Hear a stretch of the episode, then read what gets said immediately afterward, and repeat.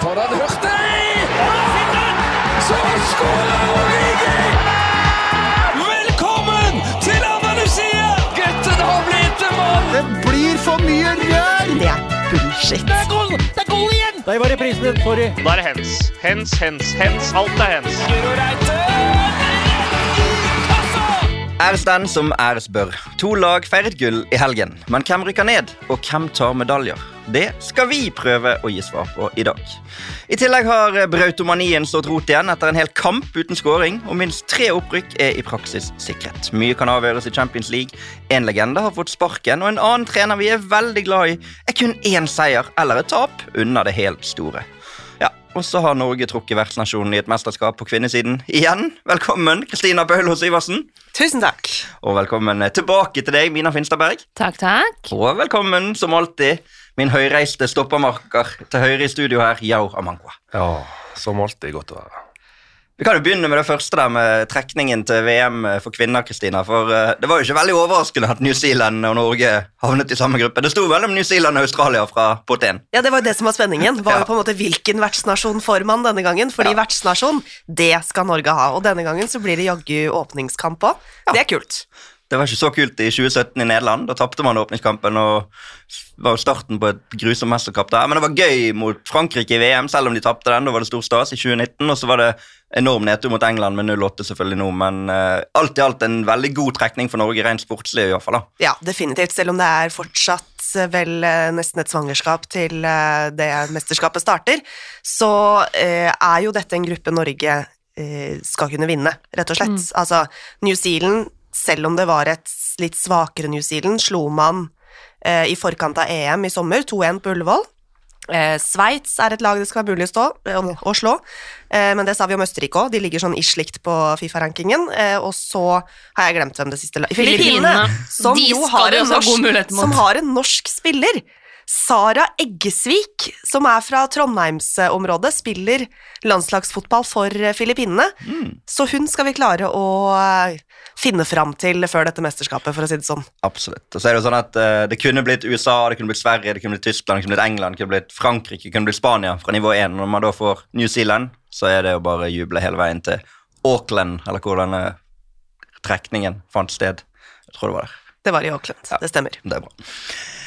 Eh, vi har jo pleid å gå gjennom eliteserierundene sånn kamp for kamp, og, men vi antar jo også at de fleste har fått med seg mye av det som har skjedd i helgen. Uh, og nå er veldig mye avgjort. Så det vi tenkte vi skulle gjøre i dag, som en litt sånn eh, breakup og litt annerledes manøver det Altså For all del, vi må hylle Molde.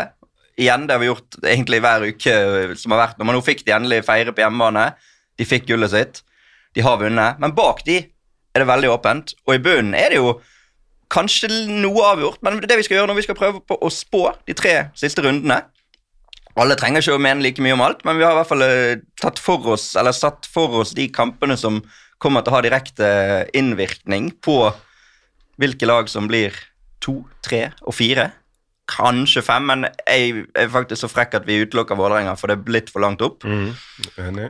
Og så hvem som kommer på kvalik. For nå er det sånn at uh, KBK og Jerv de kan i beste fall få kvalik. Sandefjord kan redde seg, de kan gå rett ned. Mens HamKam kan få kvalik. Så det er på en måte utgangspunktet for de resterende rundene. Og da tenker vi begynner med helgen som kommer. Og vi trenger jo ikke bare si hjemmeseier eller bortseier, så det går jo an å vurdere litt rundt de forskjellige. Men storkampen er jo Rosenborg-Bodø-Glimt på Lerkendal. Et litt sånn eh, skadeskutt Rosenborg da, etter tap i Molde. Men på Lerkendal har jo de vært helt enorme. Ja, der er de eh, ligaens beste hjemmelag. Og et, altså jeg tror de har en helt annen feeling når de går ut på Lerkendal, enn det de har eh, på bortebane.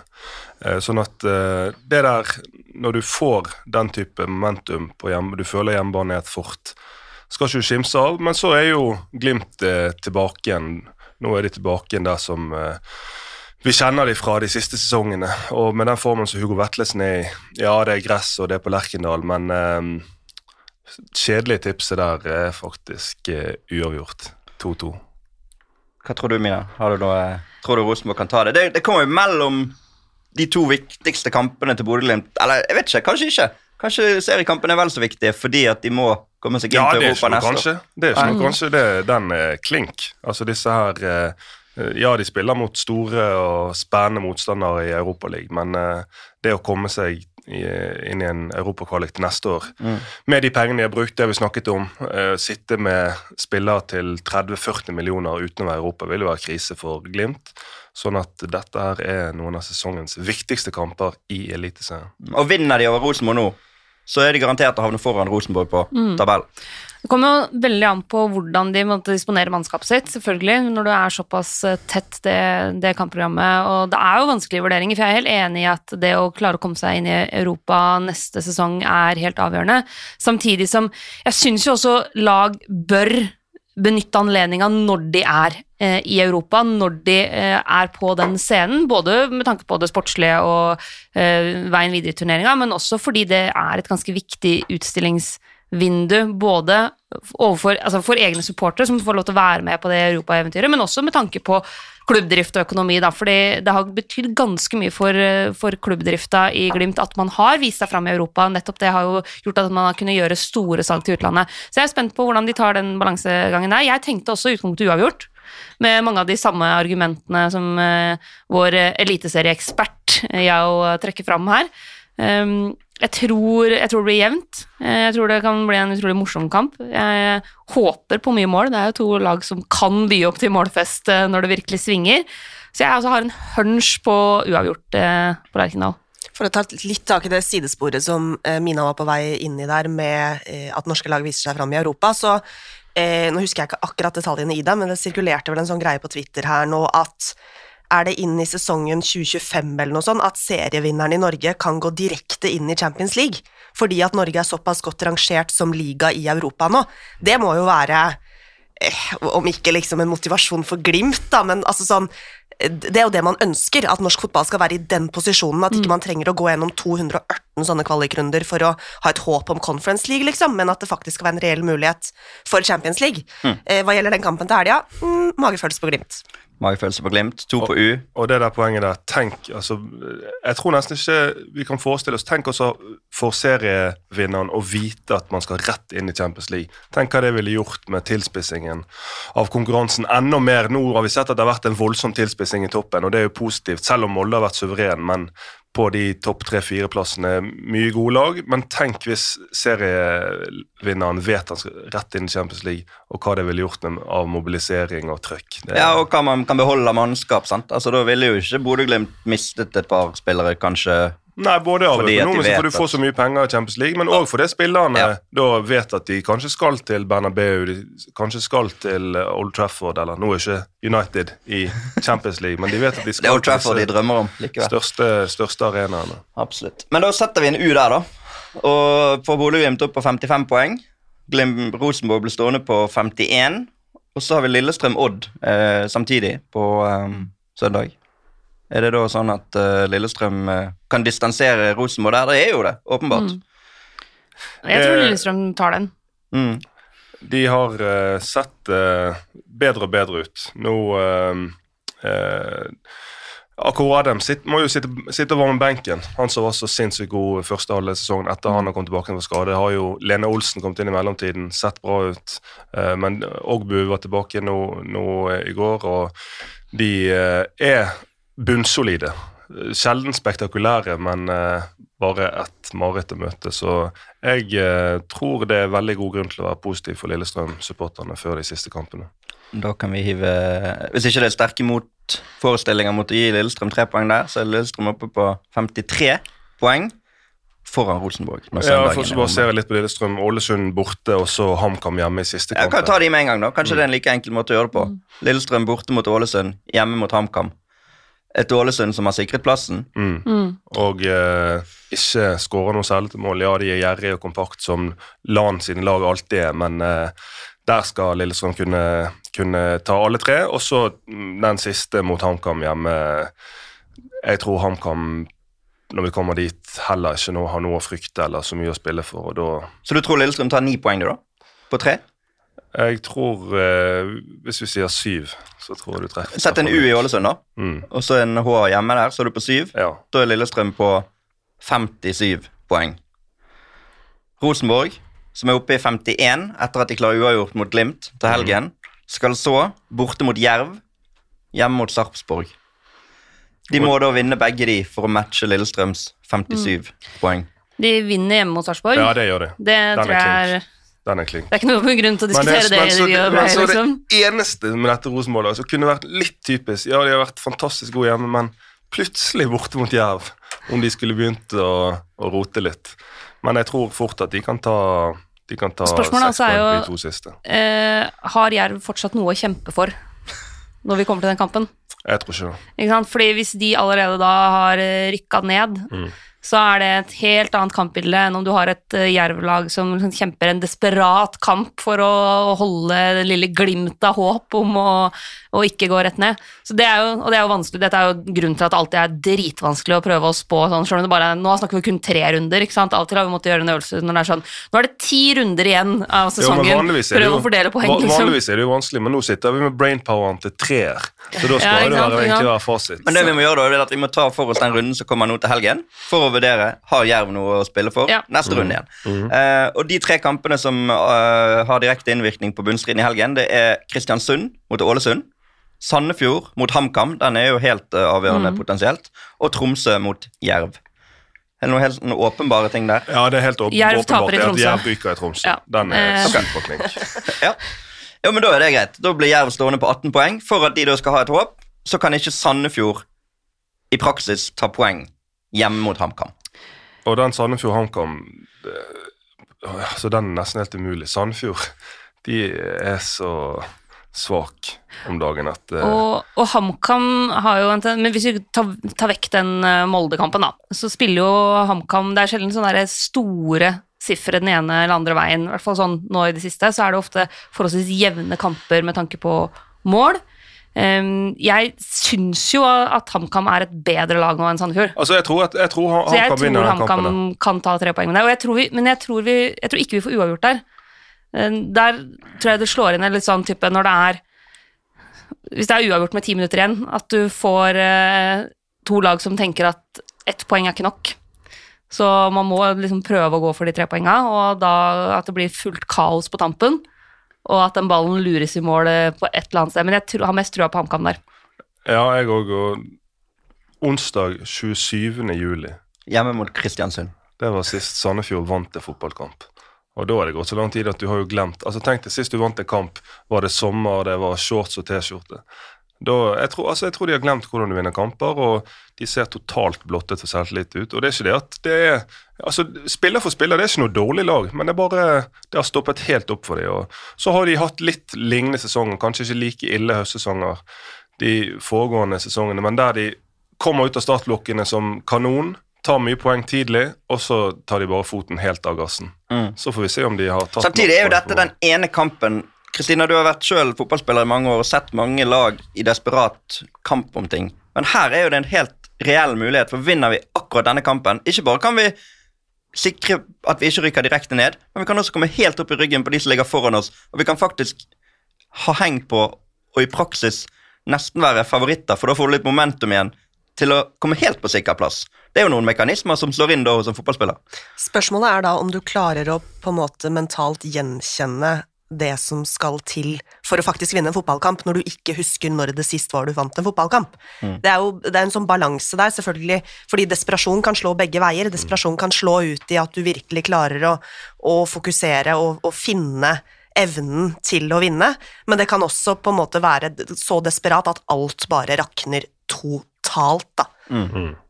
Så spørsmålet da er hva, hva skal vi sette som utfall? Vi må jo spå noe her. Jeg har lyst til å si borteseier til HamKam. Ja, ja, jeg òg. Helt enig i det. Ja, det er jo dere to som har eh, tror eh, roller som tilsier at dere skal kunne dette. Så. Nei, men den, eh, den tror jeg du kan få en god odds på HamKam borteseier der. Og ja, Sandefjord er i full rakning. Og så tror jeg òg at hvis det er Sandefjord som ender på kvaliken, så tror jeg faktisk eh, de ryker. Så jeg får meg at hvis de f.eks. møter et Start over, over Er det Ja, det blir jo en enkeltkamp. ja, en enkeltkamp, ja. Så um, Eller jo, nå ble jeg usikker. Det er ikke Nei, jeg tror det er, jeg tror det er en enkeltkamp. Ja, har de ikke lagt om sånn at det er enkeltkamp? Altså, Brann-Jerv i fjor var jo Jo, det var jo det i fjor. enkeltkamp, men ble jeg jeg vet ikke om, om det var en sånn plutselig av covid-grunner. Nei, jo. Jo, jeg tror det er gjort Ja. om til at det skal være én enkelt playoff-finale, liksom. Ja, ok. Det, vi får satse på det. Hvis vi vil arrestere på dette nå, så får heller noen gjøre Ja, det. noen får ta oss på det hvis vi er helt burde- forverret. det burde vi Men eh, KBK Ålesund, da? Tror du de kan gi seg sjøl et håp der? Si at Derby? Jerv taper, Sandefjord uh, taper for HamKam. Mm. Hvis da KBK vinner, så er de helt i ryggen på Sandefjord. Det er jo dette nå, nå har vi kommet Men- til disse tre siste KBK-kampene som vi har snakket Ja, om. disse, ja, Men disse ja, lukter det ikke uavgjort der? Jo, men av disse her skakkjørte lagene, så er det faktisk der jeg kan ha en magefeeling og gi et lite håp til KBK. Ja. altså, nå ble jo de smadret på Aspmyra i går av Glimt, men der kan du nesten ikke regne med noe annet.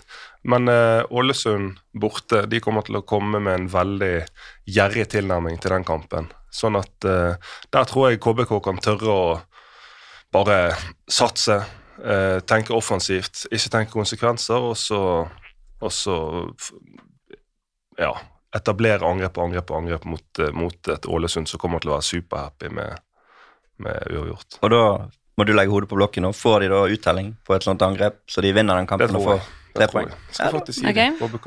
Da er KBK oppe på 21 poeng. Mm. Og Da skal du inn i runden etterpå med da en tabellsituasjon. Jerv på 18, KBK på 21, og Sandefjord fremdeles på 23.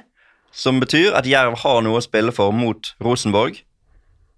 Er det nok at de har noe å spille for? Nei. Nei? Så vi gir også Planen er å gi Rosenborg også Nei, altså, ni poeng på det, det, siste. Det, det, det, vil, det vil ikke være sånn fra 0 til 100 100 uh, utenkelig at Rosenborg kunne blitt litt shaky der borte mot Jerv. Men uh, jeg bare ser ikke Jeg ser ikke over 95 minutter hvordan eh, Jerv skal kunne håndtere Rosenborg og Tengstedt. Skal vi si at eh, Rosenborg vinner den kampen sju av ti ganger, uavgjort eh, en av, to av ti Mm. og Jerv én av ti? Ja, no, det Noe tror jeg er en fair, fair assessment. Da må vi i dette mattestykket vi lager, gi Rosenborg den seieren og sende Jerv ned neste helg. Rykker Mm. ikke ned nå til helgen, rykker ned helgen etterpå. Og så bare for å skyte inn der, da, for Jerv sin del, så er det liksom ja, uff, nedrykk. Altså, det skal, nedrykk blir jo alltid sett på som katastrofe, sånn. men det trenger ikke alltid være det. Altså, de kom opp Egentlig var det helt utenkelig at de skulle rykke opp. Eh, rykket opp via verdens mest historiens sykeste kvalikkamp mot Brann. Har fått eh, et eh, lite eventyr i Eliteserien, og hvis de da skulle rykke ned, så rykker de ned med heder og ære. De har eh, gjort maks ut av forutsetningen. Sånn, vi må jo alltid vurdere Mm. tabellposisjonen Mm. ut ifra hva forutsetninger som er. Og sitte og liksom slakte ja, Jerv har fytti grisen så dårlig det har vært. Det blir, det blir egentlig ikke helt riktig. De har uh, hatt prestert på, på, på pari, Mm. verken mer eller mindre. Og så tapte de seks strake kamper, da, men så ga de seg sjøl håp når de vant i Sandefjord.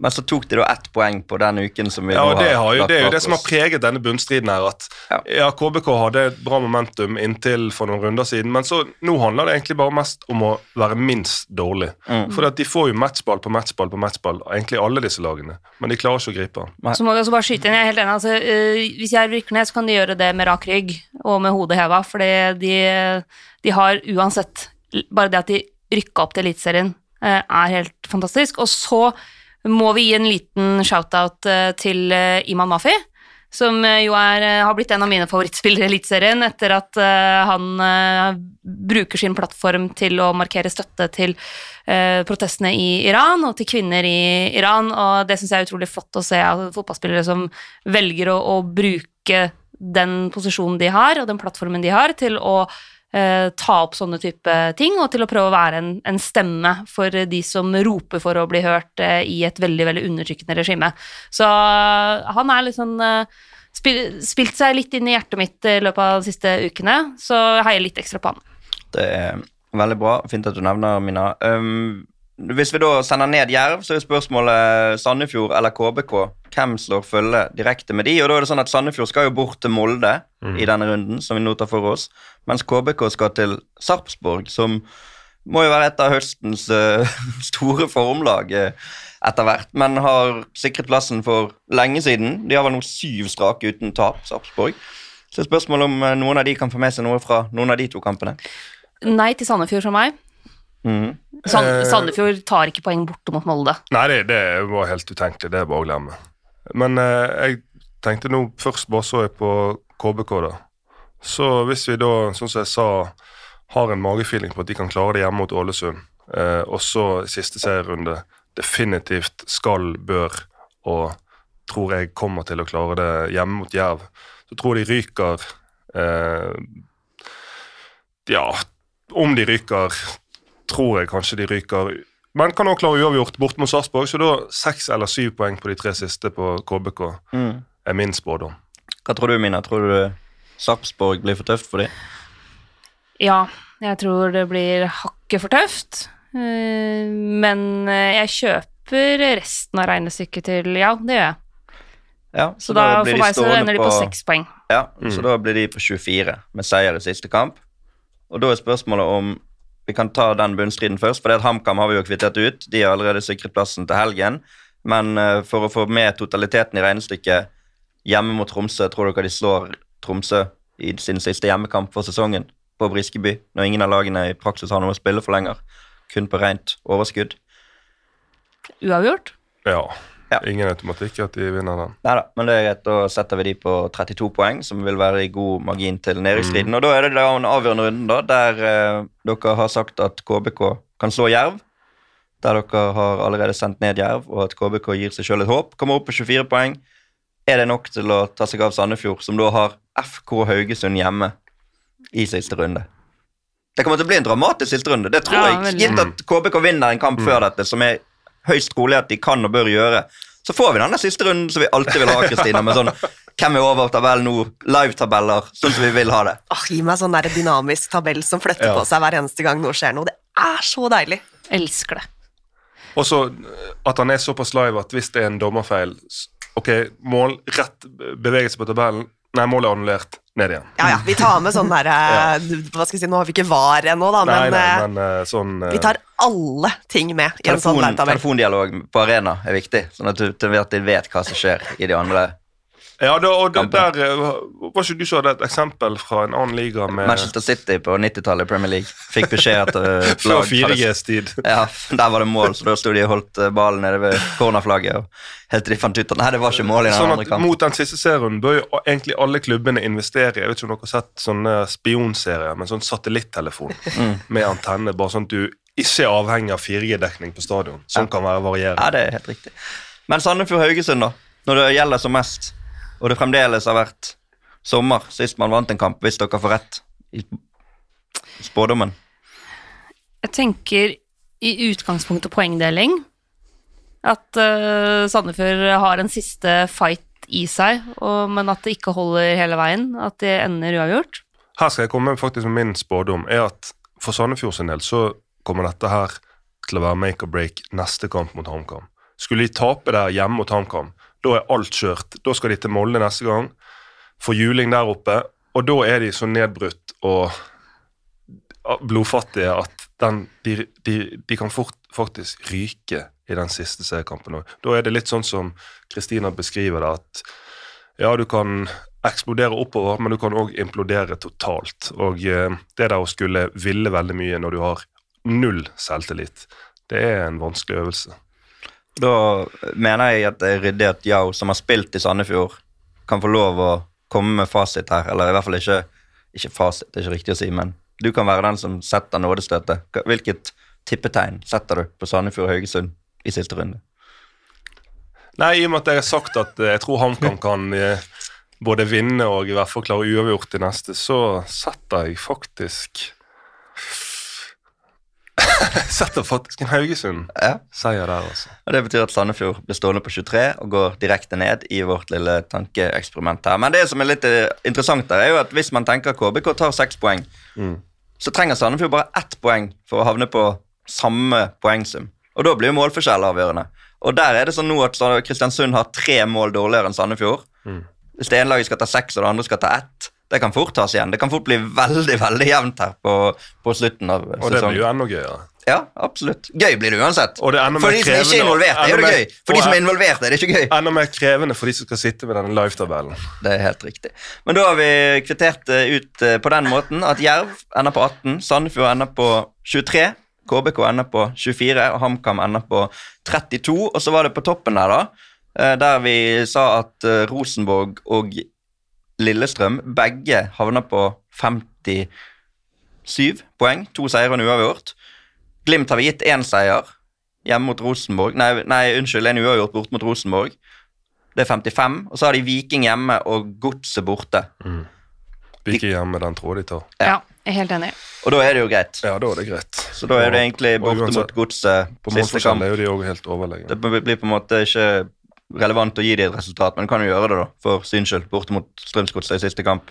Salvesen, matchvinner. Ja, borte mot Godset i siste kamp. ehm, eh, jeg må Nei, da, og da er de også ferdig med selvfølgelig med Mm. Europa.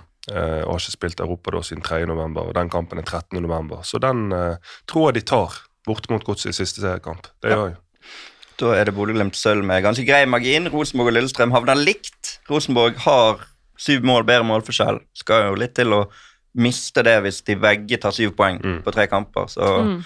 spennende blir det i hvert fall uansett. Men vi, eller dere, spår da sølv til Bodø-Glimt, bronse til Rosenborg, Yes, fjerdeplass til Lillestrøm, ja, Sandefjord og Jerv rett ned, KBK på kvalik. det gjør vi. Da har vi fått eh, spådd det. Så kan jo folk le av oss og si at alt dette blir eh, feil, men det får vi se på. Benjamin Sayers, Sayers han har spurt flere spørsmål. Må, han må sende en melding og si hva vi skal Hva heter den? Hva heter han egentlig? Er Ja, det, det. Sayers, eller er det hva, hva er det egentlig? Hvor mange av de 18 hovedtrenerne som sitter nå, kommer til å starte neste sesong som hovedtrener for en eliteserieklubb? Det er jo nok en gang sånn spåkulementalitet du må belage deg på. Men det er jo 18 fordi at det da er to klubber som har to trenere. Eller i hvert fall sidestilt både i Viking og i ja, no, Eller ikke det tre, da? Nei, de er kanskje ikke det lenger i, uh, i Sandefjord. Der er det Ødegård eller Nei, for du har jo to i Strømsgods òg. Ja, jeg vet ikke, men det omtales jo ofte som Sandefjord og Viking som de med to.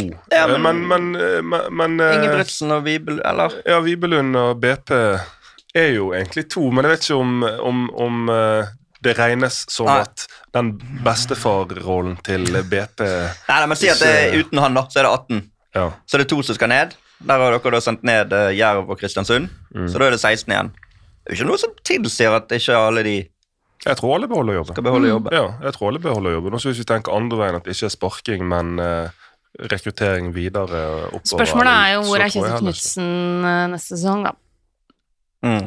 Det er jo mulig at uh, han har lyst til å prøve seg utenlands etter hvert. Er. Ja, hvis, eh, eneste hvis tilbudet er godt nok. Det er den eneste vinklingen jeg, jeg kan se eh, av, av trenere som ikke skal være der til neste år, eh, egentlig. Eh, og så har det jo vært Altså, men, men for, å, for å skyte inn det Hvis Viking skulle ryke på tre strake tap nå i avslutningen, så om det ikke kommer til å gjøres noen endringer, så tror jeg det kommer, kommer i hvert fall til å diskuteres. Mm. For det der å gå inn eh, i en lang ferie, et langt avbrekk før neste sesong, og skulle gå inn i neste sesong som kommer til å være ekstremt eh, tøff, med den formen og det momentumet de har, det er farlig. Det er en risikabel øvelse. Sånn at eh, Betty og det trenerteamet i Stavanger de er avhengig av eh, å få noe ut av disse siste tre kampene. Ellers så tror jeg den diskusjonen Om de ikke, om de ikke får sparken, så kommer den diskusjonen til å leve litt for eh, godt enn en hva de kan trives med i Mm. mange, mange måneder. Da tar du et lite forbehold der, men svaret vårt blir uansett da 16 av 18. Uh, Og så tror jeg de to som uh, uh, rykker ned ja, vi har jo et kvalikmulighet her òg, da. Si at eh, Sandefjord eller taper den kvaliken, Mm. så blir jo det færre. For det kommer jo bare én opp, sannsynligvis. Ja, men jeg tror eh, om det skulle være Sandefjord, KBK, Jerv altså, Hvem av de som rykker ned, tror heller ikke de avskjediger trenere. Nei, men da er ikke du eliteserietrener neste år. Da er det jo en Ja, riktig. Hvis Sånn, det, hvis det blir Sandefjord, Ja. så er det to ned, og så kommer det én opp i KFUM eksempel, eller Start. Men eh, det blir jo uh, spikkeri, type flis. Uh, Stabæk, i praksis oppe. De er oppe. De er oppe. Nei, det Det er 17 mål eh, som må tas igjen der. Ja, det eh, De må tape med ti hjemme for Mjøndalen, samtidig de, som KFUM vinner med syv ja, i Bergen. Jeg tror de feiret 99,9 Ja. feiring. Uh, for det, at det er jo sånn du er tillært i alle år. Du skal ikke feire uh, før det er helt umulig at det ikke går, men nå er det umulig, og de har allerede feiret fra seg. Så Det har de. De klarte uavgjort. Men hadde de tapt i Sandnes, så Ja, hadde var det, da kunne ikke de feire. Ja. for hva de hadde Men de klarte å hente opp 0-2 til eh, 2-2, og med det slår følge med Brann etter alle solmerker. Eh, Og det, bare skyte inn at det er litt spennende før neste års eliteserie at uh, Brann og Stabæk opp. Uh, klubber med en viss uh, tradisjon, og, og, sånn at det er ikke noen sånn umiddelbare kasteballer. eh, Nei, kan ta et spørsmål her faktisk fra Fredrik Mjellheim. Fotballpod med Fredrik Mjellheim heter han på ja, sin egen podkast på Twitter. FR Mjellheim. Eh, Brann kommer fra rekordår i Obos. Hvilke tre posisjoner bør forsterkes slik dere ser for å kjempe seg inn i f.eks. en topp fem i Eliteserien 2023, eller er laget der sterkt nok som det er?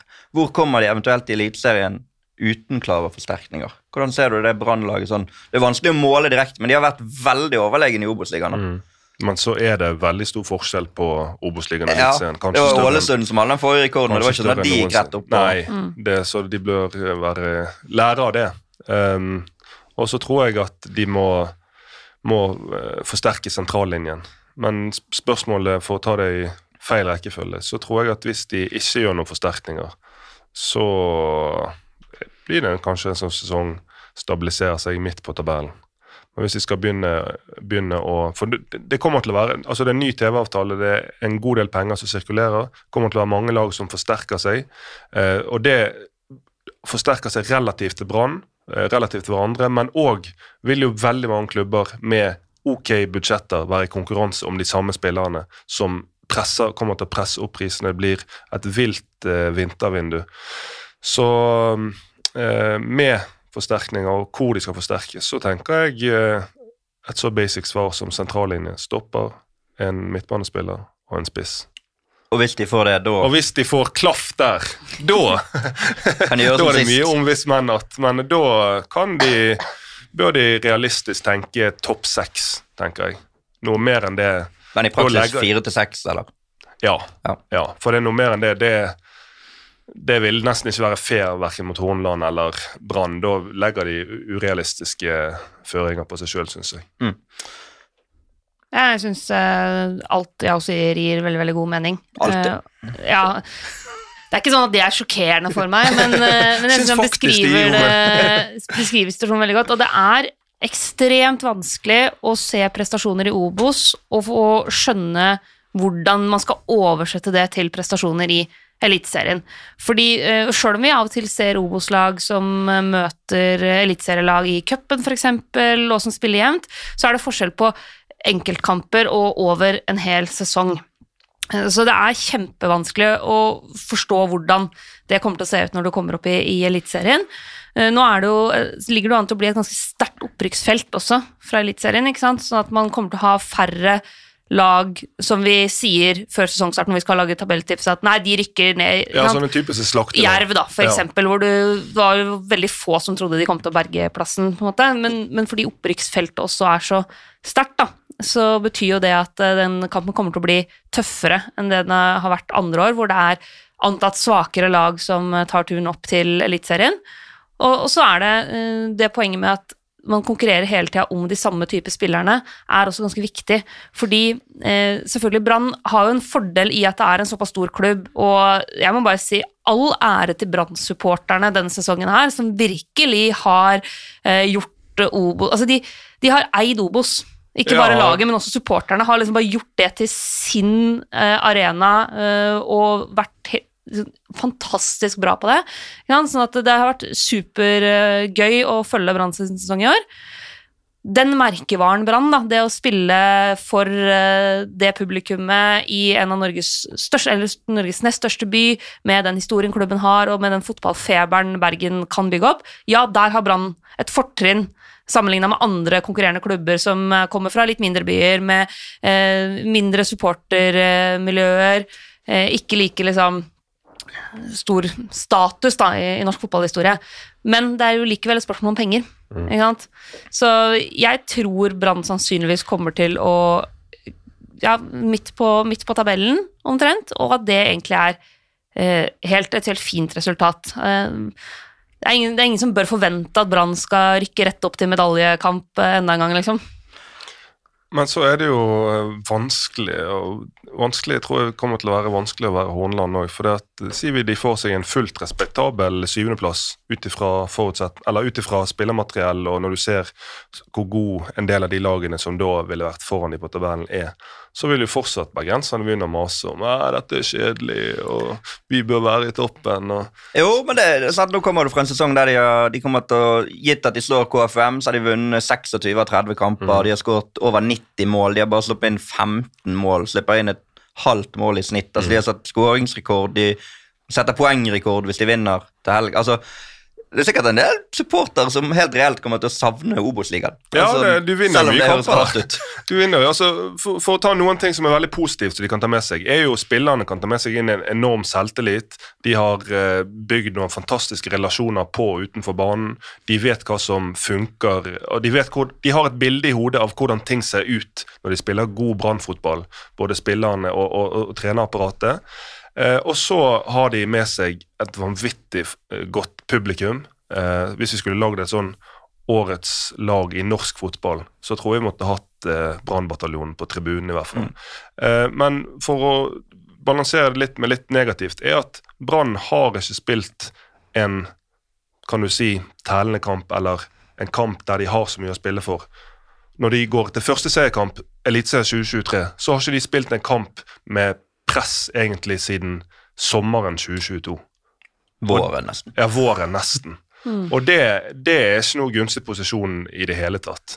Eh, sånn at eh, det kommer til å kreve en jobb der, og så tror jeg de, de kan få hjelp av å få inn noen skikkelige kanoner, signeringer, som eh, får folk tilbake på tærne og, og løfter, løfter dette videre. Ja, vi eh, får se hvem som slår følge med dem, om det blir noen. Eh, KFM og Start får jo kvalikplass. Kongsvinger får etter alle solemerker kvalikplass, hvis ikke noe helt tullerusk tullrusk skal skje der målforskjellmessig. Men Sandnes Ulf kan ryke, de har 44 poeng. Ranheim har 43, Mjøndalen har 42. Sandnes Ulf skal spille borte mot Bryne. Er det noe de har lyst til, så er det å snyte Sandnes-bataljonen der for eh, en playoff-plass. Så ja, det blir spennende å se hvem som holder Forresten, kan Lars Bohin være ulven i Maskorama? Tror du det? Jeg har ikke sett på Maskorama. Nei. Jeg ser heller ikke på Jeg Maskorama. bare slo Kan man rekke hjem fra altså Sandnes og rekke å være med på TV-program? Jeg vet ikke hvor lang tid Jeg, Jeg vet det var spekulert i også Henrik Ingebrigtsen, bare nå som vi er inne på sånn Så noen tur- kommer der, tur-retur den- Sandnes eh, Den der. Boboen der tror jeg at det kan drepe. Han eh, jeg tror jeg ble observert i feiringer. Ja, okay. ok. For det var bare et eller annet hint der med noe skog, og da tenkte jeg på Nottingham Forest, som kunne vært et sånn fint hint. Ja, vi, vi får la det være. Bare, det bare slo meg når jeg eh, tenkte på det den dagen. Eh, Du har vært på Obos-ligakamp i helgen, Mina. Sett på Ja. Skeid, som de får jo kvalikplass i motsatt ende av tabellen. Kristina jubler. Var du der òg, kanskje? Nei. Nei. og de vant jo 4-0, men det var ikke det som Nei, det var ikke derfor jeg var der, holdt jeg på å si. Nei, eh, jeg blei jo invitert for å holde foredrag eh, på klubbhuset før kamp. Det var en ny opplevelse. Jeg har ikke pleid å eh, stå på klubbhuset og holde foredrag før eh, kamper. Nei, altså Skeid eh, hadde jo lyst til å lage en ordentlig markering i forbindelse med Qatar-VM, som jo nærmer seg med stormskritt. og hadde da samarbeida med de svenskene som har laga Cards of Qatar, som egentlig er en veldig fin- kampanje hvor de har laga fotballkort med historien til eh, migrantarbeiderne som aldri kom hjem fra Qatar. Eh, så de ser ut som sånne fotballkort, eh, og så står det liksom alder, navn, hvor de kom fra, og litt om deres historie. Så Skeid ønska å gjøre noe rundt det. Eh, Jeg var der og prata litt om eh, situasjonen i Qatar og, og VM og litt sånn hva jeg tenker rundt det. Og så hadde de hengt opp masse plakater med bilder av migrantarbeidere som har dødd i Qatar og deres historie. De hadde hengt opp rundt hele bana, så var den artikkel 23 i menneskerettighetene om eh, retten til anstendige arbeidsforhold. Og så kom de da ut på bana med navnet til elleve forskjellige migrantarbeidere som har dødd i Qatar på drakta, og alle nummer 23, da, som er den, er den delen av, eh, av menneskerettighetserklæringa. Så det var egentlig en veldig fin markering, syns jeg. Og, en- en veldig sånn, jeg synes det er utrolig fint at Skeid velger å bruke den eh, arenaen da, til å stå opp for de stemmeløse migrantarbeiderne som har dødd i Qatar. Og veldig verdig og sterk markering å være til stede på. Så nei, det syns jeg var ordentlig fint. eh, Og både å få lov til å være med på, men også at norske fotballklubber fortsetter å virkelig lede an når det kommer til spørsmål rundt eh, menneskerettigheter, etikk i fotballen, så ser ut som norske klubber er liksom på et helt annet bevissthetsnivå enn klubber, for eksempel svenske, den diskusjonen, hvordan diskusjonen har vært i Sverige. da. Så, så det syns jeg var skikkelig fint. Så all eh, heder og ære til Skeid for det initiativet. Og så må jeg bare si, det å komme inn på klubbhuset oppe hos Skeid der, og du ser det premieskapet og alle bildene fra Det er jo en av de klubbene i Norge som har liksom virkelig en lang, stolt historie, en bærebjelke i norsk fotball. Å møte disse gamle gutta inne på klubbhuset der som har liksom vært på kamp i alle år, og, og som virkelig lever og ånder for Skeid. Det var en veldig fin eh, Det var fint å bruke lørdagen på det, altså. Det er veldig bra. Og Så ble det jo festfotball. da. Absolutt. Så det blir, det blir spennende å se om Skeid klarer å holde seg i divisjonen. De møter vel enten Ullskisa eller Arendal i den kvaliken, for der ble det da Moss og Hødd som tok seg direkte opp fra andredivisjon. Vi fikk vel et innspill her fra Jan Erik Syverud, som skriver bare til oss 'snakk om Moss'. Og så er det ikke sånn, Vi har ikke, vi har ikke sett Moss mye i år, men det Thomas Myhre har fått til, eh, med en klubb som har vært nå, det er vel tolv år siden de var på Og det nivået apropos norske klubber med en stolt historie i fortida, Ja. eh, som kanskje ikke har levert like bra i nyere tid, men som virkelig har satt store spor i eh, norsk fotballhistorie. seriemester under Nils Arne Eggen, 1987, det året jeg ble født. Og eh, det kommer alltid til å sitte ved. Og Moss hører hjemme altså Det er jo Sarpsborg og Fredrikstad nå som har vært der og på en måte gått forbi Moss i Østfold, men at Moss også har en plass i toppfotballen, det er det ingen tvil om. Nei, det er det ingen tvil om. Og så må jo det samtidig føles litt merkelig i, i Fredrikstad. De har jo hatt en elendig sesong, Mm. og de som alltid har vært så sterke på tribunene og publikum, blitt mer og mer en likegyldighet som har spredt seg. Det er nesten litt forståelig når de har vært så ustabile og svake over flere sesonger. Men tenk om Nå har de De måtte jo på et tidspunkt for kanskje er det 10-12 år siden bite i seg at Sarpsborg var blitt storebror. Mm. Og hvis de nå må se Moss gå forbi Ja, seg det så tror jeg at eh, da. kommer til å spre seg en depresjon blant disse i den ærverdige fotballbyen eh, Fredrikstad. Østfold-fotballen har da tre lag tilbake. Så får vi se om de, eh, de får landskamper der etter hvert. Kan ta det spørsmålet også. Fordi at eh, Fredrik, eh, det samme Fredrik Mjellheim som spør oss hvorfor kan det aldri spilles landskamp andre steder enn i Oslo. F.eks. Brann stadion eller Lerkendal. Mange andre land gjør dette, og det skaper begeistring og eierskap for landslaget flere steder. F.eks. Spania, som har vært på Mestalla. De har jo gjort det på kvinnesiden. har jo de gjort det. De har jo gjort det på herresida òg. Ja, det, Martin Ødegaard fikk vel eh, debuten sin uh, bort på Vestlandet, ja. Men eh, damene var jo spilt mot England i eh, Bergen, eksempel, og de har jo også hatt kvalikkamper andre steder. Der, men der har på en måte diskusjonen vært litt sånn motsatt vei. Hvorfor får vi ikke spille på Ullevål? Ja, det har vært mer det at man har til en viss grad ønsket seg til Ullevål Mm. eh, innimellom. Ada Egeberg gjorde jo re-comebacket sitt på landslaget i Sandefjord. Ja. Eh, ja, vi spilte mot England på, på Brann stadion. Det har vært kamper i Stavanger. Eh, de har vel flytta seg ganske mye rundt omkring eh, i landet, men det var vel et ønske om også å spille en del eh, på Ullevål, da. Mm. Men at en herrelandskamp, sånn som nå hjemme mot Finland, for eksempel, fint kunne gått i Stavanger i stedet, er vel ikke noe i veien for sånn Jo, publikumsmessig, men Stavanger er det jo kunstgress, og der Ja, det. Men, det er men det, Men i- i det er. Brann stadion og Lerkendal. Hvorfor ikke? Og spesielt nå med en Arsenal-kaptein i Martin Ødegaard og en av verdens altså verdens største spillere i Braut Haaland. Det der å komme til Bergen og tenk så mange kids og egentlig alle som syns det hadde vært superkult å kunne for en gangs skyld få se en landskamp i Bergen. Jeg tror det hadde vært veldig stort, og sa, samme i Trondheim. Så, men det er vel kanskje en del sånn logistikk og Uefa-reglement og sånne ting som må i hensyn tas. Men, eh, men det bør definitivt være noe som eh, NFF vurderer å, å I hvert fall på de treningskampene, I hvert fall som, på de. som ikke er Nations. League-kamper engang, men som Absolutt. er treningskamper. Ja, det tenker jeg jo. At jeg, jeg tipper at det sikkert er ganske mange krav som stilles rundt kvalikkamper, Nations League fra Uefa, Fifa osv., som gjør at det er nok sikkert det er enklest å holde det til Ullevål, fordi at der har man alle fasilitetene osv. tilrettelagt. Men ja, privatlandskamper som dette her, da, hvorfor ikke flytte det ut til andre folk, sånn at de også får muligheten til å dra og se på det norske landslaget uten å måtte reise til Oslo. På en, nå vet jeg ikke hvilke dager disse kampene spilles, men på en vanlig tirsdag, da. Det er ikke så lett å fly tur-retur Oslo for å se en privatlandskamp da, liksom. Og så er det klart at uh, kontraargumentet vel kanskje det med å bygge Ullevål som et fort og få denne der eh, Du I, vet at det er til at der altså, og, Forskjellen på Norge og Spania for eksempel, er jo at vi har en nasjonalarena. mm. Ikke sant? Eh, Og det er jo eh, hvis, hvis landslaget skal slutte å spille på Ullevål, så er det cupfinalen, da. Og det er jo litt synd å ha en så stor og flott arena som skal brukes en kamp i året, på en måte. Jo, men eh, jeg tror at de få gangene For nå er det faktisk få ganger det er bare rene privatlandskamper, altså treningskamper. For Mm, nå ja etter Nations League ble innført, så er jo det stort sett sånn at hvis alle vet at hver gang det er en tellende kamp, om det er Nations League eller om det er kvalikkamper, så er det på Ullevål, selvfølgelig.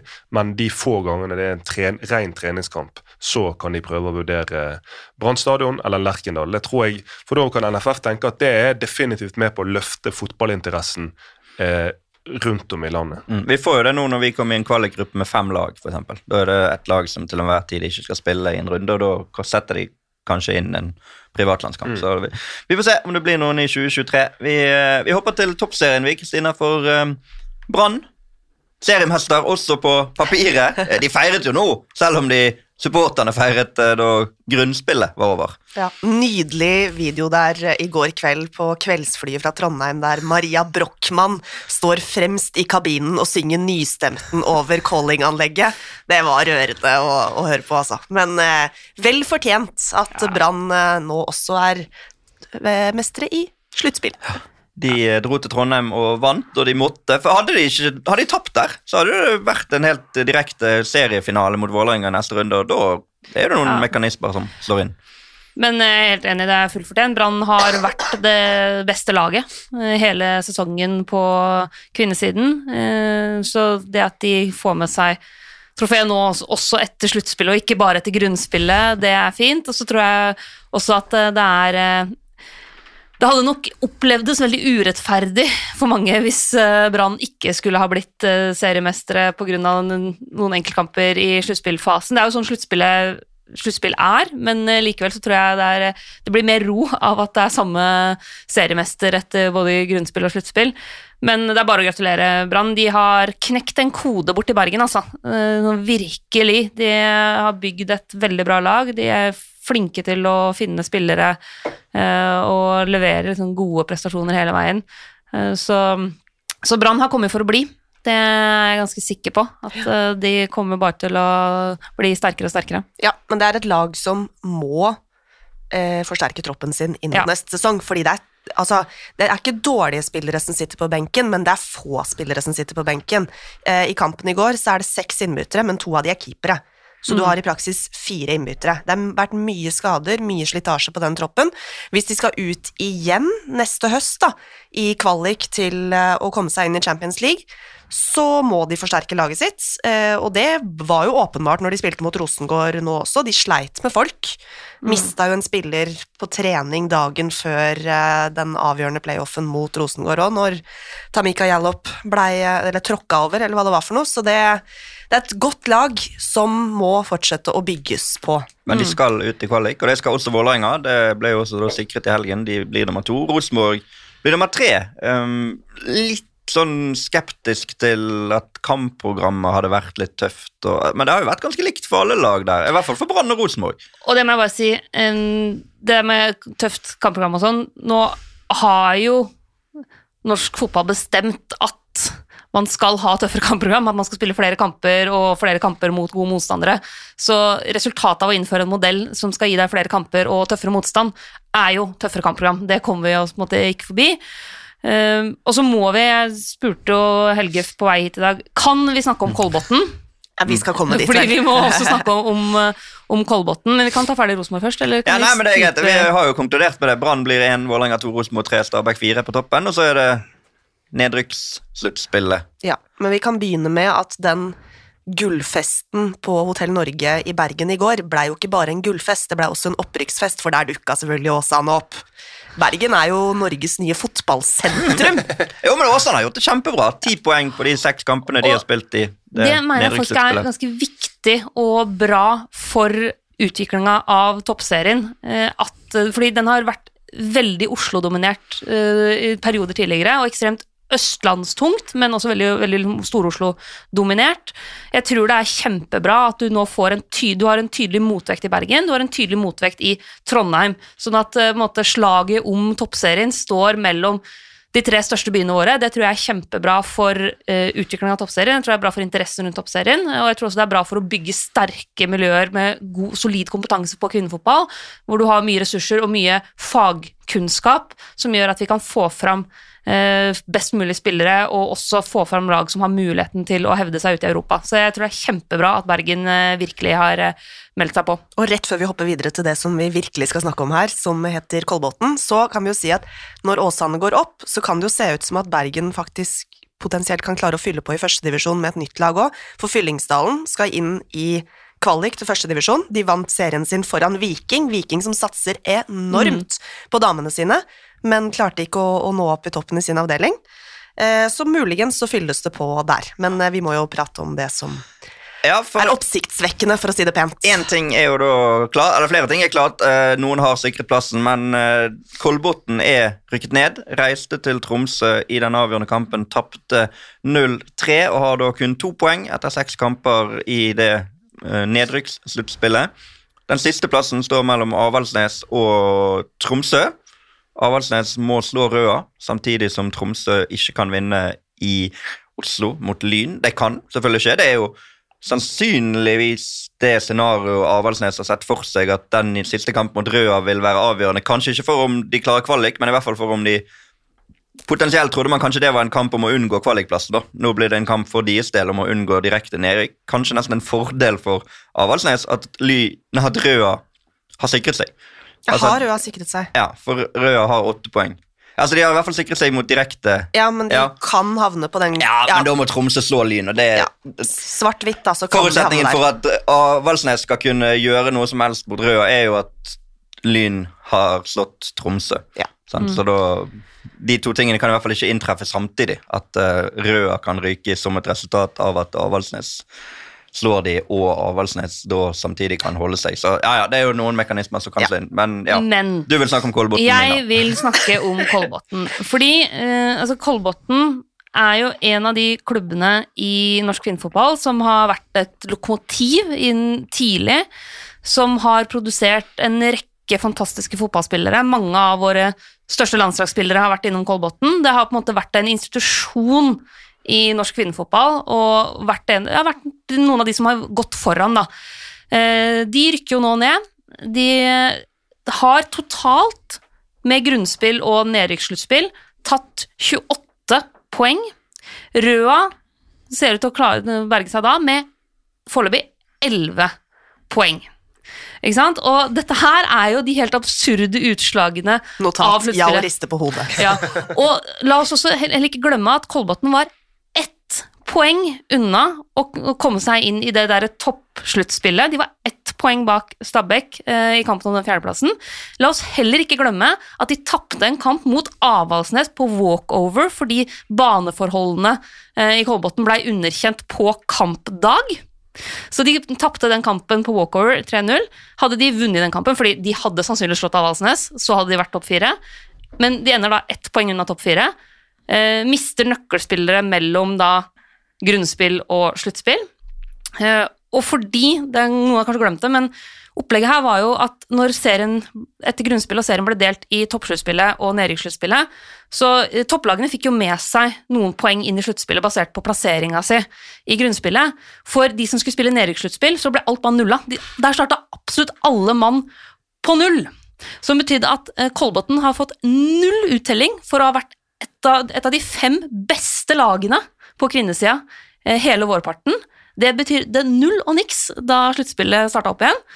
Og så skal det sies at det er ingen andre, andres feil enn Kolbotns feil at de bare tar to poeng på de seks kampene de har spilt nå i sluttspillet, men likevel så illustrerer det så godt hvorfor jeg og veldig mange andre har vært utrolig skeptiske til den sluttspillmodellen hele veien, og hvorfor man må endre på det der at de som skal spille nedrykkssluttspill, ikke får med seg noe som helst av poeng basert på hvordan de har gjort det i grunnspillet. Og for Kolbotn sin del så er dette krise. Vi risikerer at dette er liksom takk og farvel til Kolbotn på øverste nivå i kvinnefotballen. Det er liksom det som potensielt kan skje nå. Jeg ser Kristina nikker på huet, så du er enig med meg i den at det er en reell risiko for det? Ja, men Vi snakket jo om det i forrige uke, at på en måte eh, i kvinnefotballen så er det mer og mer de eh, klubbene med store tradisjoner og, og supporterskarer på herresida som tar over. Du ser Brann, du ser Rosenborg osv. At disse enkeltstående, tradisjonsrike klubbene på kvinnesiden, som Røa, som Kolbotn, det kan være takk og farvel, på en måte, når de først rykker ned fra øverste nivå. Det blir verre og verre og tyngre og tyngre å klare å opprettholde eh, en sånn posisjon. Ja, og så eh, med tanke på de tradisjonene og at norsk kvinnefotball på mange måter står på skuldrene til en klubb som Kolbotn, eh, så når- de da i tillegg skal få en så utakknemlig vei gjennom et helt håpløst system og oppsett Men det så- har jo vært altså- der hele tiden, da. Jo Altså, da, men, men, men så kan jeg, da kommer min eh, indre idrettspsykolog frem. For er det én ting som er drepen for motivasjon, så er det jo også jobbe og strebe mot noe, sånn som de poengene som de tilstrebet seg tidlig, for så å få bare smurt i trynet at det er ikke verdt noe. Det fins jo ikke noe mer drepende for motivasjonen hos utøvere enn enn det, nesten. Så det, det Nei da, det, det, er jo- Det er helt riktig. og Nå skal jeg ikke på en måte sage noen her, men det var tre lag som nesten matchet Stabæk. Det var Arna Bjørnar, det var Lyn, og det var Kolbotn. Og Arna Bjørnar og Lyn er overlegne i dette nedrykkssluttspillet. Altså, De har 14 poeng på seks kamper. Og at Kolbotn har mistet et par spillere, ja, men de har hele tiden vært klar over hvordan landet ligger. De har visst at her er det null poeng. Det er jo superrutinert av Røa, da. Hvis Geir Nordby har sittet der ute og bare spilt kortene sine fullstendig riktig og sagt til hele gjengen at dette er læring, dette er læring, dette er læring. 18 kamper, læring. De siste syv gjelder. Spilt litt sånn underdogs. Tatt noen poeng som Altså Røa de har jo da slått De har vunnet to kamper. De vant 5-0 bort mot Åsane i første kampen, men så slo de Kolbotn da de holdt som mest. Klarte de uavgjort mot Lyn og uavgjort mot LSK. Og det klarte ikke de i vår, sant? for da, da gjaldt ikke det. Så det, det tror jeg har vært helt bevisst fra deres side, at ja, men kanskje nå, de har rett og slett underspilt seg sjøl litt. For de som støtter dette systemet, da Jeg sier ikke at jeg støtter nei, systemet. Nei, nei, nei, det sier jeg ikke, men for de som gjør det. For det må jo være noen som gjør det, som støtter det i og med at det fortsatt er der, eller at det er der i utgangspunktet. Men eh, det, det kommer bare til å ende med, for det at eh, folk og mennesker innordner seg etter hvordan insentivene kommer bare til å bli mer og mer spekulering i å gi mest mulig faen, egentlig, i de Men det, første men det kommer nok til å komme noen justeringer, om det går på at man skroter alt eller gir Det poeng. kommer justeringer. Eller, Det har vel allerede kommet på en Ja. måte en første justering ved at nedrykkssluttspillet eh, neste sesong kommer til å bestå av de seks nederste i toppserien, men de to øverste fra førstedivisjon kommer ikke opp, som betyr at da kan de ta med seg poeng inn. Mm. Eh, det er jo det som nok har vært utfordringen med at man skulle ha opp de to beste fra førstedivisjon, at hva skal de Jo, stå man, med, man på en kunne jo gitt de ett og to poeng, for eksempel. Da. Jo da, Kunne gitt basert på plassering istedenfor basert på poeng. ja, men uansett, da. Det er jo Men også, så, sånn som for Kolbotn, så blir jo det der at det kommer en endring Det blir jo på en måte bare sånn ekstra. FU. Ja, da. Og, For men da kommer ikke de opp i det sluttspillet neste år heller, hvis de er overlegen i første divisjon neste år. Men altså, Helge har et godt poeng her. Sånn, disse reglene var kjent for alle uh, før sesongstart. Alle visste hvordan opplegget kom til å være. Ganske mange påpekte at vi kan risikere at det laget som hårfint havner på femteplass i toppserien, rykker ned. Så det var ganske mange som sa at det er en reell risiko ved det systemet her. Det skjer, så den, eh, den gikk rett inn, den. Men ja, det var, det var kjent at det var sånn. Men eh, jeg tror det er viktig for fotballen da, eh, at ting føles rettferdig. Jeg tror det er helt avgjørende for at folk skal på en måte eh, bry seg om fotball, være interessert i fotball, se på fotball, ikke minst ha en fotballiga på alvor, så må ting føles rettferdig. Og dette her føles urettferdig, og eh, jeg mener fortsatt at det er er problematisk at man bruker toppserien som prøvekanin for å teste ut en modell som er så lite ferdig tenkt at man ender opp der vi er nå. At man også ender opp med å måtte først lage et seriesystem, så kommer det så mye protester på det at man må liksom justere det litt sånn i full fart inn mot seriestarten. For det skjedde jo også med tanke på hvem som skulle få disse europaplassene.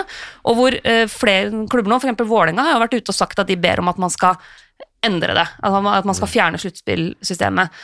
Så det er problematisk at man bruker kvinnefotballen som prøvekanin Ja, for å altså- teste ut kunne dette vært noe, folkens? Uten Uten å ha tenkt det grundig nok gjennom, da.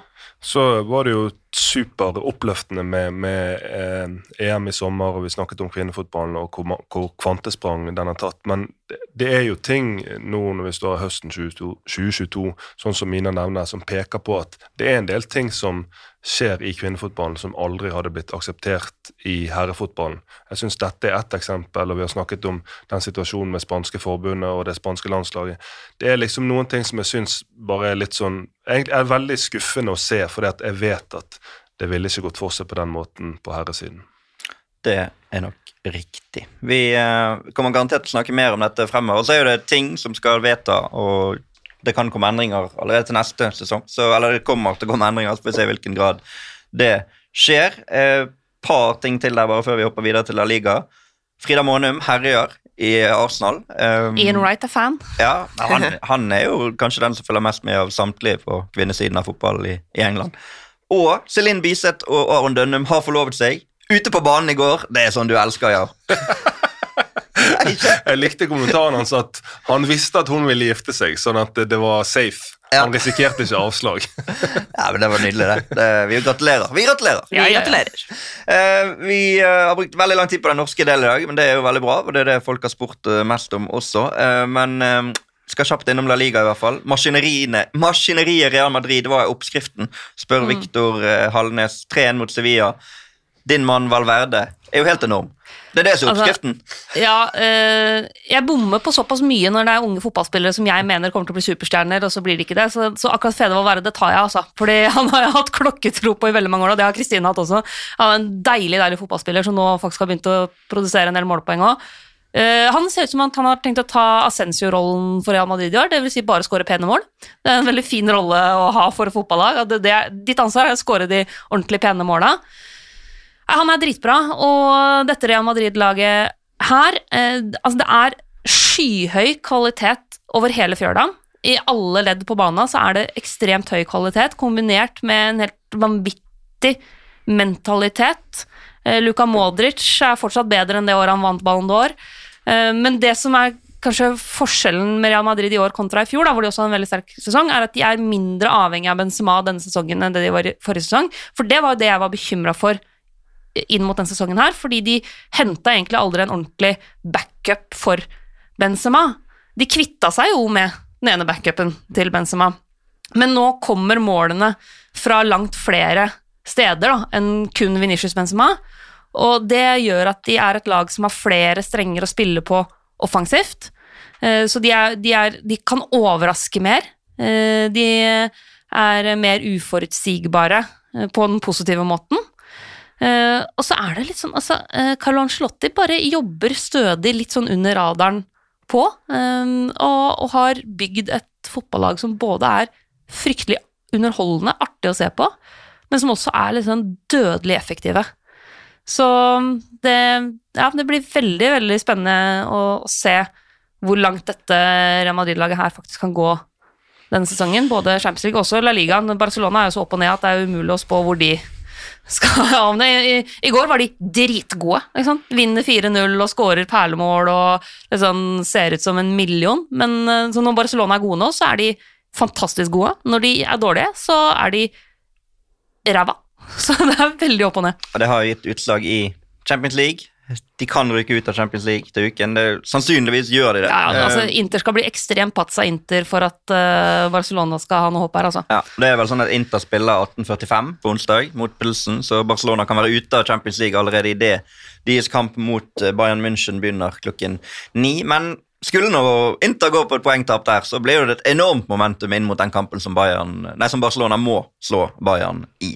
Uh, Atletico Madrid vinner 2-1 bort mot Betis, to av Grismann, som endelig får lov å starte kamper igjen. Og Det betyr jo at Joao Felix ikke får spille kamper. Jørn Henland spør oss der, uh, jeg vet ikke om Kristina kanskje kan svare på det. Hva skjer med Felix i Atletico? Er helt nederst, innerst i fryseboksen med ertene. Og så en sånn iskald emoji har han skrevet til oss på Twitter. Ja, nei, jeg, jeg, dette kom nesten sånn brått på meg at jeg på en måte ikke ful, følte jeg ikke fulgte med på La Liga en helg, og så bare Å ja, så satt han i fryseboksen. Hva skjedde? Har du fått det med deg, Mina? Nei, Altså, Simione har jo gitt noen litt sånn uh, små stikk i retning Joao Felix, egentlig ved å rose andre spillere, da. Eh, men som i hvert fall jeg tolker som en sånn type Det, det handler om å, eh, at, å gi alt hver eneste kamp, uavhengig av om du starter eller sitter på benken, om å være en spiller som man alltid kan stole på, osv. Altså, Joao Felix sin, sin utfordring egentlig helt siden han kom til Atletico Madrid, er at han i perioder er dritgod. Ikke sant? Han kan vise i enkeltkamper at han er et helt ekstremt stort talent. Han er en veldig veldig god fotballspiller, men jeg kan fortsatt ikke huske en periode hvor han har vært liksom stabilt god over tid. Altså tid som i type at han har hatt ti gode, gode kamper, da. Så har han hatt en del skader og sånn også, men, men det er veldig mye opp og ned. Toppnivået er veldig høyt, bunnivået gjør at han blir helt usynlig. Og jeg tror, nå spekulerer jeg, men jeg tror Diego Simione er litt sånn lei av å ikke helt vite om han kan stole på Joao Felix. Og da har han kanskje andre spillere som ikke har det samme fotballtalentet i bånn, men som han veit hva han får av hver eneste kamp. Eh, og så må vi bare si jeg elsker å se en fotballspiller som har blitt avskilta, og som blomstrer igjen. Uh, Grismann, det er deilig å se at han endelig elsker livet igjen, liksom, uh, og virkelig sprudler. Altså, vi ser jo også Joan Felix på en måte eh, blø for drakta og sånn når han Ja, ja. gjør det, men han oppfattes nok litt som en form for luksusspiller, og er det én spillertype som ikke passer inn i en Diego Simione-tropp, så er det jo luksusspiller. Og det, der ser du jo motsetningen. Antoine Griezmann, ikke sant? selvfølgelig en fantastisk fotballspiller, men der er du en som går foran i krigen. Der er du en som har akseptert å sitte på benken og bli bytta inn i 62-63 fordi at det er noen sånn fryktelig administrative greier som gjør at han ikke får spille mer enn under en halvtime. Men han kommer utpå der, og han blør, og han gir alt for Atletico Madrid allikevel. Det passer inn hos Diego Simione, det gjør det ikke hvis du er en litt sånn luksusvariant som Joao Felix kan være. Nå er det vanskelig for oss, vi er jo ikke inne i garderoben der og veit liksom alle disse tingene, men sånn kan det ses fra utsiden, da. Og så er det jo av og til er det jo verken Joe Felix eller Simione som nødvendigvis har eller gjør feil, men på et eller annet tidspunkt kan det jo hende Atletico må innse at dette er ikke noe optimal match, og vi må prøve også å selge han dyrest mulig for å kunne cashe inn på det vanvittige talentet alle vet at han jo har. Og Da er det mange klubber rundt om i verden i januar som plutselig sitter og gnir seg i fingrene. Eh, vi merker oss også at Real Sociedad sin seiersrekke tok slutt uten Alexander Sørloth i troppen. Og så minner vi om at du kan se Jørgen Strand Larsen i kveld 21.00 på premie mot Retafe. Som eh, fortsetter å sjarmere hele Vigo i senk. Eh, Det er noe med en spiss som fortsatt venter på sin første skåring i La Liga, som er gjennom nesten alene med keeper, og likevel da uselvisk velger å sende ballen sideveis til lagkamerat som kan spasere den i mål. Det er liksom Jeg anbefaler etter en eh, Celta Vigo-kamp å gå inn på Twitter og bare søke Strand Larsen, fordi du får se så mye kjærlighet eh, til den mannen der blant eh, de som følger Celta tett, og det syns jeg er gøy å se, at han har bare kommet inn i La Liga og virkelig skapt seg et navn så tidlig, helt fra start. Da. Men for å være litt sånn sur gammel mann, så kan, er fotballen så kynisk at for en spiss eh, Han gjør veldig mye riktig, men hvis de målene fortsetter å utebli, så kommer den kjærligheten til å ta slutt, og så kommer det til å bygge seg opp et større og større forventning om at her må det skje noe, ellers er det rett ut av laget.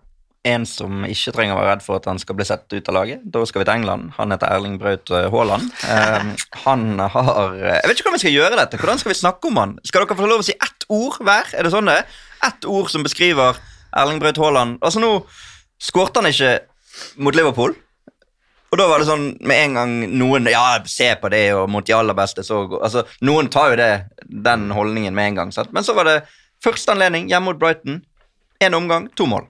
17 mål i Premier League på 11 kamper. Jeg klarer ikke på ett ord, men jeg har to ord. Uh, nå er vi i England, så da kan bruke to engelske ord. Det er for de som husker tilbake igjen til uh, Hva det het Ikke geologi, men sånn der du snakker om dyr og dyreverden. Hva var det? Naturfag. Ja, rett og slett naturfag. Apex predator er noe som heter. Og Det vil altså si det dyret som er øverst i næringskjeden, som ikke har noen naturlige utfordrere i om det er jungel, eller om det er spekkhoggeren i sjøen, eller hva det skulle være. Og det er det Erling Braut Haaland ligner på i Premier League. En Apex Predator som ikke har noe naturlig utfordrer. Altså, og jeg tror jeg aldri har sett en spiller som eh, fordi at Vi snakker om at han er, han er råsterk. Hvis du ser beina, det er ikke sånn at han er sånn muskelberg. Han er ganske slank og nesten kan se litt hengslet ut. Men når du ser altså disse største kjøttstopperne eh, sånn som på det første målet, bare bli slengt som sånn filledukker. Blir liggende igjen egentlig på det mest ydmykende viset som går an. Og det ser, altså han, Ikke bare at han skubber de unna, men han, han mister ikke balansen ett sekund, og så setter disse skårene. Husker han hadde en situasjon mot Upamecano som altså Når du ser han for Bayern, han er jo en av de sterkeste stopperne i, i historien, sannsynligvis. Han ble jo bare vippet vekk av Haaland. Mm. Så det er på en måte På alle parametere han makser, og han ser ut som en sånn at du har kjørt en sånn juksekode på Fifa og bare satt 99 på alle attributes. Mm. Du hadde noen Zoologi er vel kanskje det er sånn begrepet for, for dyrene. Har du, du har jo retorikkutdannelse og alt. Ikke retorikk, lingvistikk, det er Ja, forskjellige ting. Ja, men Du er retorisk sterk i hvert fall og vet hvordan man skal bruke etos, patos, logos når man skal beskrive ting. Er er det mulig å på en måte si noe som ikke er sagt lenger om det brøt hål? Nå skal han til Dortmund igjen og spille Champions League og stå og nynne hymnen der på tirsdag. Det er jo bare å tune inn på det på premium for de som kan det. Kan, kan man si noe mer om han? Eller må man bare nyte? Jeg tror eh, de fleste orda er brukt opp, med mindre vi skal bli så språklig kreative at det bare blir kleint, liksom. Så, så er de fleste orda brukt opp nå, fordi eh, han har eh, sprengt grenser i så mange år nå. Ja, for han gjorde jo det i Dortmund også. Han gjorde det første sesongen sin i, i Champions League. eh, Så han Men i en norsk kontekst, altså, altså det Braut Haaland gjør, er at han har bare utvida så enormt mulighetene for hva en norsk fotballspiller kan bli. Hvor langt en norsk fotballspiller kan nå, hvor, hvor toneangivende, hvor dominerende en norsk fotballspiller kan være på den aller, aller største scenen. Eh, han gjør ting nå som jeg umulig kunne sett for meg at en norsk spiller skulle gjøre bare for ti år siden. Liksom. Det, var, det ville vært utenkelig. Og vi har, vi har aldri hatt en norsk fotballspiller som på herresida som dominerer verdensfotballen på den måten han gjør. Og jeg tror heller aldri kommer til å få det, i hvert fall i min levetid. Jeg tror eh, Haaland er det beste, den beste norske spilleren som eh, jeg eh, noen gang kommer til å se. Mm. Du er litt yngre enn Jao. Tror du du får noe i din levetid? Kristina? Ikke så mye yngre, da. Men jeg, jeg, er en, jeg er en hektisk person, så jeg, jeg ryker på hjertestans når jeg er 52. Uff. Ett ord Nei ja, ja, ett ord. om Haaland. Ja. Har du ett ord? Jeg er jo fra Oslo øst, da. Han er dum, ass. Er det ett ord? Dum, da. Men det er, det er seriøst det jeg sitter og sier hjemme når jeg ser på den gutten spille fotball, at det her er for dumt. Og da ikke liksom Oslo øst-konteksten, men bare sånn Jeg skjønner ikke hva som foregår, det, og det skjer uke etter uke. Det blir for dumt for meg. Jeg, jeg bare Hæ? Ja, men det er fair, det. Hæ? Hæ er et ganske bra ord å dekke det. Hæ? Um, jeg har nevnt at de skal ut i Champions League-aksjon mot Dortmund. Uh, et annet lag som skal ut i Champions League-aksjon, det er Chelsea borte mot Salzburg. Um, to strake seire, men de har ikke råd til å tape den kampen. Den er 18.45 i morgen. Graham Potters Chelsea som har gjort det virkelig bra. 1-1 mot Manchester United i helgen. Kunne fått vunnet den. Viktig redusering på slutten her for United. Men en ting som er veldig øyenfallende her, er jo keeperbyttet, ja. Kepa Arizabalaga. Og han altså han ble tidenes dyreste keeper i ung alder. Og så havner han totalt i fryseboksen, og så klarer han å kjempe seg tilbake nå.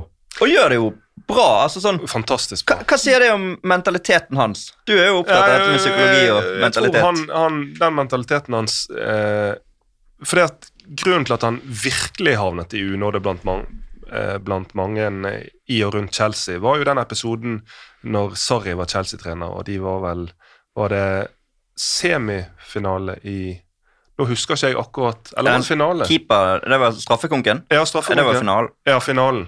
Og der han eh, rett og slett nekter å, å bytte ut. Mm. Eh, og da viser han jo den troen han har på seg sjøl. For det, du skal være på grensen til å ha en psykopatisk selvtillit for å bare gå imot treneren der og Nei, jeg skal ikke ut, jeg er det beste alternativet. Eh, og så ble han, så jo han rimelig dum ut i den situasjonen, men eh, jeg tror det er den selvtilliten som gjør at han har klart å stå dette her gjennom. Men de kom inn, var fantastisk, mens nå er Kepa tilbake blant Er du overrasket? Ja, det jeg er litt overrasket. Han så ut som en sånn Ble jo harselert en del med den prisen og de pengene Chelsea hadde brukt på han, men uh, han er jo fortsatt veldig ung og bare vokser mer og mer inn i, inn i den keeperrollen. Og er per dags dato blant, uh, blant de keeperne, hvis du ser i et tiårsperspektiv, du helst vil ha på laget. Hvor imponert ble du over sånne ting, Mina? Altså, du har jo fulgt spansk fotball mye, vet en del om spanske keep. Han har jo vært helt ute der òg, f.eks. Mm. Selv om det er jo kanskje litt andre grunner som bestemmer hvem som skal stå i mål for Spania. Men uh, tror du han kan komme seg med i VM-tropp igjen, f.eks.? Ja, det er jo ikke umulig, det. Um, men det Det folk har glemt litt, er jo hvor god Kepa faktisk var i Spania før han dro til Chelsea. Eh, det var jo ikke det var jo en grunn til at han ble tidens styrkekeeper. Mye av den grunnen er at uh, Atletic eh, har skyhøye utkjøpsklausuler og ikke selger spillere med mindre de sjøl har veldig lyst til det. Liksom. De bare peker på utkjøpsklausulen og sier sånn Ja, vær så god, hvis du er interessert i spilleren vår, så 100 millioner er utkjøpsklausulen, liksom. Det, det, vi forhandler ikke om spillersalg, for det, det gjør de nesten aldri. De bare peker på utkjøpsklausulen. Eh, og så er det jo et enormt press å, å ha den prislappen og komme til en ny liga, men han var jo en veldig lovende, veldig god keeper i Athletic. Eh, så vi har jo hele tida visst at han har det nivået inne. Eh, jeg syns jo det er deilig, akkurat som med Grismann, å se spillere som har fått så mye tyn, som har blitt så avskrevet, slå tilbake. Fordi det sier noe om at vi, vi er veldig kjappe til å konkludere når vi snakker om fotball. At ja, nå er han ferdig. Eh, nei, han kommer aldri til å bli god nok. Ikke sant? Han er ikke bra nok for det nivået her. Vi er veldig kjappe på å, å komme med, med sånne konklusjoner, og så tror jeg vi i altfor stor grad undervurderer alle mulige faktorer som kan påvirke hvordan en karriere går videre. Da. Alt fra trenerbytter og kjemien med treneren, til skader, til eh, kjemi med lagkamerater i garderoben, og ikke minst det mentale som jo jeg jobber mye med. Hvem, hvilke spillere er det som klarer å jobbe så godt med huet sitt at de tåler en trøkk i trynet og klarer å bruke det som en motivasjon til å gripe muligheten og slå tilbake når den kommer. Og det blir nesten enda større det du snakker om der på keeperplass, og for en ung keeper. Altså, Ja, for det er jo mentaliteten kanskje er Ikke det at mentaliteten ikke er viktig på utespillere, men Nei, men psykologi og troen står, på seg Du står enda mer litt alene og, og Ja, I tillegg til at enten er du førstekeeper, eller så er du det, er du det ikke. ikke sant? Mens en ving eller en spiss eller en uh, indreløper vil på en måte vite at sånn her, ok, nå, nå er jeg litt bak i køa, men jeg kommer til å få en del spilletid allikevel, og jeg kommer til å få starte noen kamper innimellom, liksom. Sånn er det jo ikke for keepere. Stort sett så er det jo sånn at du Enten er det deg, eller så er det ikke deg. Og hvis du først mister plassen din, så krever det voldsomt mye å klare å ta den tilbake igjen, da. Så eh, nei, jeg syns det er fint det, at, eh, å se at uh, Kepa liksom er, er tilbake igjen. Fint å se og kjekt å glede seg over folk som klarer å slå tilbake. Chelsea er nummer fem i Premier League, 21 poeng. Det samme har Newcastle, som dro til Nordland Nord-London og slo eh, Tottenham, som gjør at eh, Tottenham blir stående på 23. En tung uke for Antonio Conte, som må eh, heve seg, og Tottenham kan og bør revansjere seg på første forsøk. Sporting hjemme i Champions League på onsdag klokken ni kan sikre avansementet der. Liverpool tapte også mot Nottingham. Overraskende i seg sjøl, men borte har jo ikke Liverpool. De har vunnet den bortekampen mot Rangers 7-1. Så ellers har de tapt i Napoli. De har hatt 0-2-3 i Premier League. Har Ajax borte i Champions League nå på onsdag. Det skal jo mye gå gale for at ikke Liverpool går videre fra den gruppen, men bortebane Ikke det? det I hvert fall der. Er ikke Liverpool det de har vært? Overhodet ikke. Men eh, vi returnerer stadig til eh, den midtbanen, Mm. og at de har valgt å gamble og tør å risikere å gå inn så eksponert eh, med en aldrende eh, midtbane og en skadeplaget Tiago. Nå var det jo en ung midtbane. Nå var det Elliot og Jones. Ja, nå var det jo det, men uh, så syns jeg at uh, de trenger tid, og får, får man se om de noensinne kan komme opp på det nivået. Men altså, de har jo lagt en list som er så skyhøy uh, nå i en del sesonger at det er ikke gitt at uansett hvor mye tid disse spillerne som Elliot og Jones får, og det syns jeg de viser at det er ikke gitt at de noensinne For det, da snakker vi verdensklassenivå, Mm. og det Ja. er ikke bare bare å skulle Absolutt ikke. Um, Arsenal avgir poeng 1-1 borte mot Southampton. Og Moey, som hadde både målgivende og var banens beste. Vi fikk et innspill der fra Silje Svendsen forrige uke. og Bare ta det. Hun skriver at uh, Arsenal, eller vi sa at eh, Liverpool kunne vært 16 poeng bak City eh, i den kampen da de spilte innbyrdes. Fortsatt ville de ikke vært på topp, poengterer hun. Hva skal til for at Arsenal skal anerkjennes som utfordrere? Og det er klart at Det vi spesifikt snakket om, var jo at de kunne vært 16 poeng bak City, og det var City de møtte. Og så vant de og var 10 poeng bak City i stedet. De var åpenbart lengre bak Arsenal, men den poengforskjellen ville ikke vært like stor, fordi det var jo ikke de de møtte i den jeg kampen. merke til at du liker ikke å bli tatt på statistikk og Nei, men detaljer. og eh, sånne Bare en spesifisering av hva det faktisk var vi omtalte. Ja. Jeg eh, mener åpenbart at Arsenal er en eh, tittelutfordrer. De leder ligaen etter elleve kamper. De har to poeng forsprang til City. Men de kan ikke gå for på mange av de poengtapene mot de antatt svakere lagene som de gjorde nå mot uh, Southampton, hvis de skal kunne vinne serien. Uh, Steven Gerrard, ferdig i Esten Villa. Du bare, før vi hopper videre, bare den med Moi der. Mm. Barns beste. Og da tror jeg faktisk eh, Ståle Solbakken sitter nesten med gledestårer i øynene og ser på, og drømmer om at han kan slå litt tilbake igjen og finne fram samme formen igjen i landslagsstarten. For han har vært utrolig svak eh, i flere landskamper på rad. Altså helt naken og, og i beste fall anonym, og i, i verste fall eh, en, en, et svakt kort for landslaget. Så og så er jo vi og landslaget så avhengig av at disse kantspillerne, spesielt Moi, stepper opp og finner tilbake igjen både selvtillit og form. Sånn at la oss håpe at dette er noe som han kan bygge videre på, og for landslaget. Det får jeg absolutt eh, håpe på. Uh, nevnt så vidt Gerard, sparken i Villa. Kommer sikkert rykter der om Kjetil Knutsen, Ole Gunnar Solskjær. Um, andre nordmenn, neppe andre, men i hvert fall Kjetil Knutsen. Fort linket til alle jobber i Premier League, selv om Villa-jobben kanskje ikke går til han nå. Gerard, første deltaker i Stjernens helgequiz. Kan minne om det, Mina. Ja da. Selv om han skulle vært andre deltaker, men jeg måtte fremskynde den episoden siden han fikk sparken. Så vi tok den, vi tok den først. Um, order restored i Tyskland. Union Berlin taper mot Bochum. Bayern har vunnet noen kamper, kun ett poeng bak. Nå er de snart på tabelltopp og kommer til å bli der, som du sa for lenge siden, eh, Yao.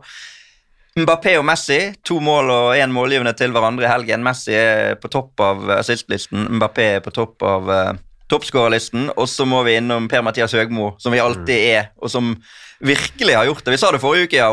De to kampene nå vil avgjøre mye. Så reiser de og vinner borte mot AIK, og så vinner de hjemme mot Malmö. 2-1 i Stockholm og 2-1 mot Åge Hareide. De kan faktisk vinne serien i kveld, hvis ikke Djurgården slår Sundsvall. Og hvis ikke så har de matchball borte mot IK Göteborg til helgen. Pluss en kamp til i siste runde, hvis de må trenge det. Ja, ikke bare at de vinner, men uh, skal vi se her, da. I Vant går du med ti mann? og- Ja, med ti mann. Altså, Jeremejeff utvist da etter 49 minutter for hekken, og så likevel så går de opp i 2-0, og så blir det 2-1 da på tampen, men de klarer å ri det inn.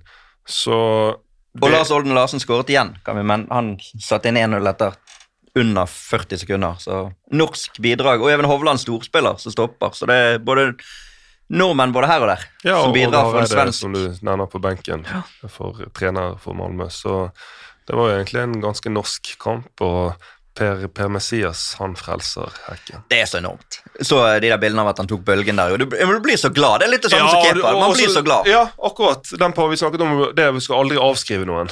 Og så Kepa er nå greit, men han er jo fortsatt ung eh, og ekstremt talentfull. Men hvor avskrevet har ikke Per Messias vært? Mm. Så det får være Om du skal ta med deg én ting fra podet i dag det, Du kan aldri avskrive noen i fotball. Men jeg så en teori på Twitter eh, fra, for en stund tilbake fra, eh, som, men, som var det at kanskje grunnen til at det funker så mye bedre for eh, Høgmo i Sverige inn- enn i Norge, er at de skjønner nok norsk til å få med seg det fotballfaglige, men ikke nok norsk til å få med seg dikt og anekdoter. Så da er det bare Det var han eh, Ole Storberget som eh, skrev dette her i fjor, at hvorfor lykkes Høgmo alltid i Sverige, spørres det i avisa. Kanskje fordi svenskene skjønner akkurat nok norsk til å få med seg klink fag, men ikke nok til å bli forvirra av vitser og anekdoter om sprettball. Det, jeg liker den teorien, at liksom fotballmannen Høgmo får skinne mer når det er eh, kun det folk eh, får med seg, og det ikke blir for mye av det andre. Det kan hende. Det er i hvert fall Jeg syns i hvert fall det var en veldig morsom Ja, teori. absolutt. absolutt. Og, og, og bare for å spesifisere det, ingen tvil om at det fotballfaglige er der, og at han kan lykkes. Men det har jo Eh, aldri vært Nei, tvil om heller. Så det, det er veldig gøy. Eh, Vi runder av der, vi. Med Høgmo, tror jeg. Takk for at du var med, Kristina. Takk, takk. Takk for at du var med, Mina. Bare hyggelig. Og takk for at du var med, Yao. Nå tenkte jeg, Tenk så motbydelig bergensk jeg hadde vært hvis jeg hadde sagt 'vær så god'. Så jeg sier tusen takk for meg. Det ble litt mye Bergen i dag, men de snakket opp Brann, de andre her også. Det var ikke bare oss. Viktig at, Ikke bare eh, Brann, men det var jo Åsane. Åsane. Fyllingsdal. Vi glemte å nevne Arna Bjørnar, men eh, Ja, de, men det, er det kan aldri bli for mye Bergen, spør du meg. da. Eh, jo, det kan det. Vi runder av der. Takk til moderne medier som uh, fikser sånn at vi får laget dette, og takk til dere som hører på. Ha det bra! Velkommen til Andalusia! Gutten har blitt en mann! Det blir for mye rør! Det er bullshit. Det er Der var reprisen din. Sorry. Da er det hens. Hens, hens, hens. Alt er hens.